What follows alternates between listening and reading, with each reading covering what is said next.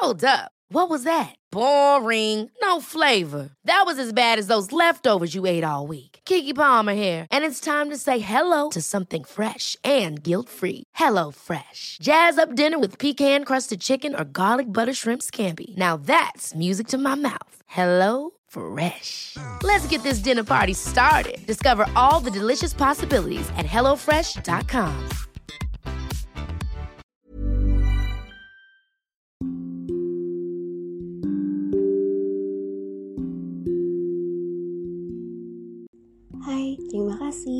mengunjungi dan hendak mendengarkan podcast Dongeng Tidur.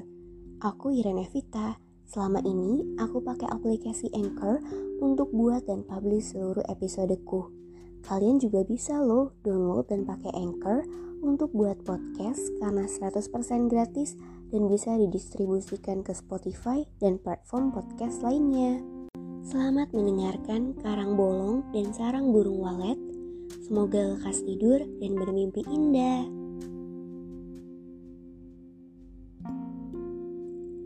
Dahulu kala di Jawa Barat terdapat sebuah kesultanan bernama Kartasura.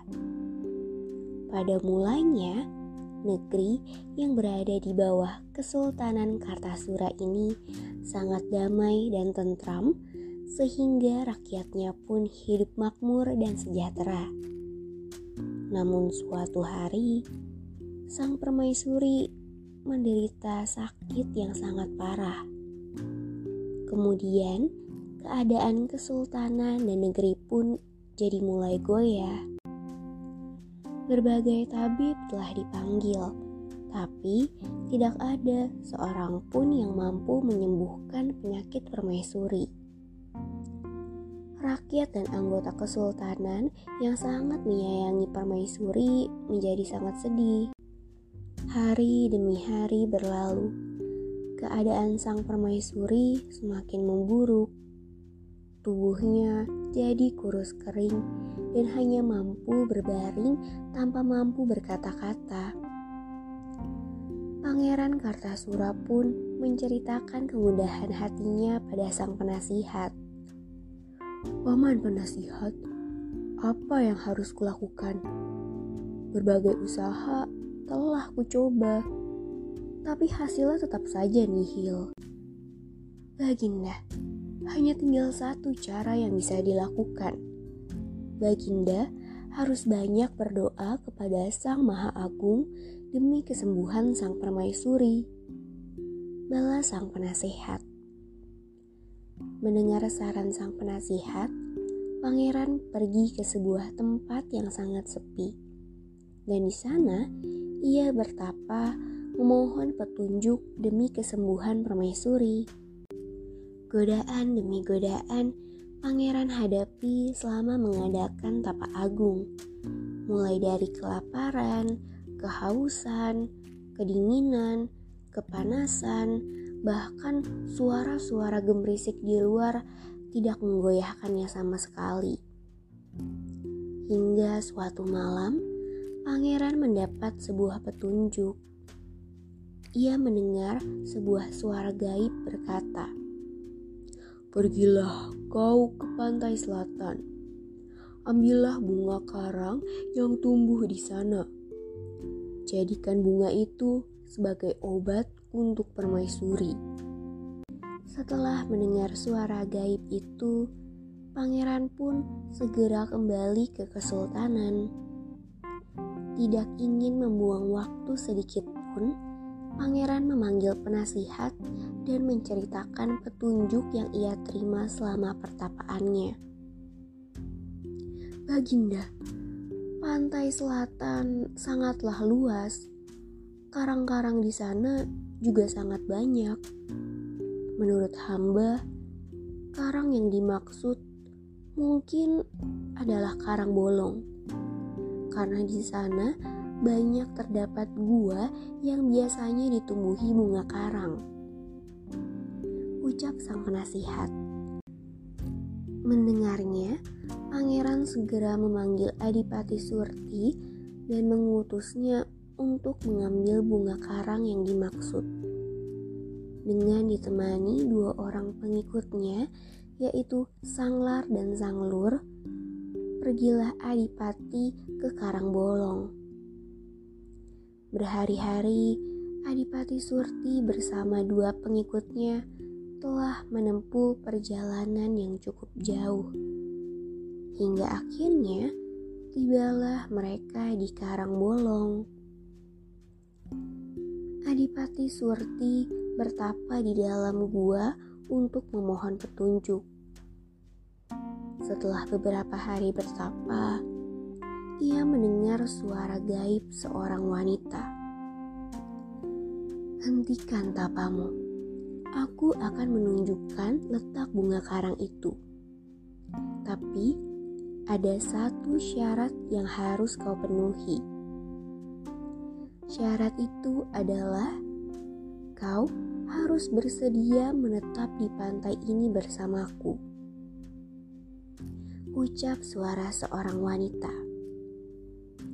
Begitu Adipati Surti membuka matanya, di hadapannya sedang berdiri seorang wanita cantik. Namanya Suryawati. Ia adalah abdi Ratu Laut Selatan Nyi Roro Kidul. Setelah berpikir cukup lama, Adipati Surti menyetujui syarat yang diajukan oleh Suryawati. Maka Suryawati pun mengulurkan tangannya pada Adipati Surti untuk menunjukkan padanya di mana letak bunga karang itu tumbuh. Saat menerima uluran tangan Suryawati, Tiba-tiba Adipati Surti merasa sukmat atau jiwanya terbawa, sedangkan raganya masih berada di tempat. Kemudian tibalah mereka di depan pohon besar. Yang di batangnya ia melihat ada semacam bunga karang putih itulah bunga karang yang kau cari. Jika diolah akan menjadi obat yang sangat berkhasiat dan dapat menyembuhkan permaisuri kerajaanmu. Namanya adalah sarang burung walet. Ucap Suryawati. Adipati Surti mengambil sarang burung walet itu dengan hati-hati. Ia mengambil cukup banyak untuk obat permaisuri. Setelah dirasa cukup, Adipati pun kembali ke tempatnya bertapa. Sukmanya pun menyatu kembali dengan raganya. Setelah itu, ia pun memanggil Sanglar dan Sanglur untuk bersiap kembali ke istana. Setibanya di Kartasura, Adipati Surti menemui pangeran dan menyerahkan sarang burung walet tersebut. Baginda, inilah bunga karang yang dimaksud. Jika sarang burung walet ini diolah, ia akan menjadi obat mujarab untuk permaisuri. Benarkah? Terima kasih Paman Adipati. Kau telah menyelamatkan nyawa permaisuri sudah menjadi tugas hamba mengabdi kepada keluarga kesultanan pangeran.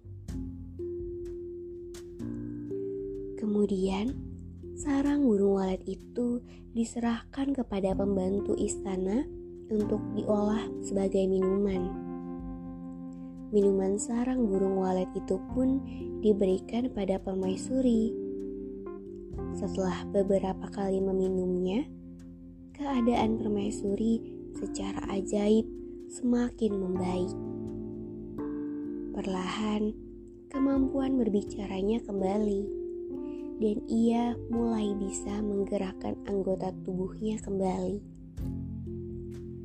Pangeran Kartasura sangatlah bahagia melihat perkembangan yang terjadi pada permaisuri. Rakyat dan keluarga kesultanan menyambut bahagia perkembangan kondisi tubuh permaisuri. Pemerintahan pun kembali berjalan dengan baik. Di tengah kabar gembira dan suasana berbahagia itu, Adipati Surti teringat akan janji yang ia ucapkan pada Suryawati. Ia memohon pada pangeran untuk pergi meninggalkan istana. Ia beralasan bahwa kepergiannya adalah untuk menjaga karang bolong yang di dalamnya terdapat banyak sarang burung walet. Mendengarnya, pangeran sedih karena harus melepaskan kepergian adipati kesayangannya. Seluruh rakyat yang mengagumi kebaikan dan keberanian Adipati Surti pun melepas kepergiannya dengan penuh hormat dan isak tangis. Apalagi ia telah berjasa besar karena menyelamatkan nyawa permaisuri.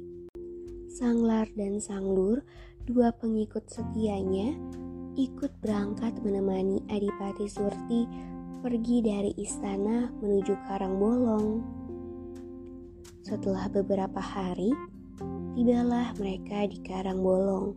Di sana, mereka mendirikan sebuah rumah sederhana.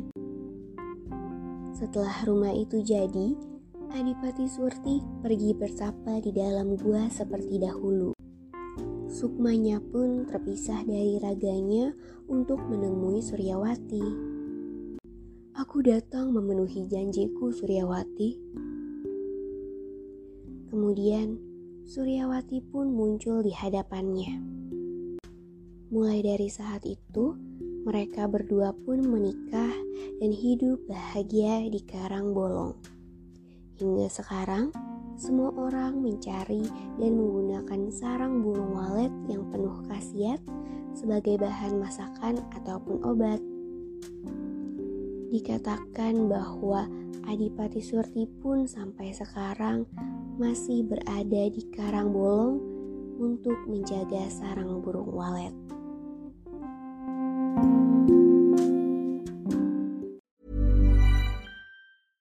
Ever catch yourself eating the same flavorless dinner three days in a row? Dreaming of something better? Well, HelloFresh is your guilt-free dream come true, baby. It's me, Kiki Palmer. Let's wake up those taste buds with hot, juicy pecan-crusted chicken or garlic butter shrimp scampi. Mm. Hello Fresh. Stop dreaming of all the delicious possibilities and dig in at HelloFresh.com. Let's get this dinner party started.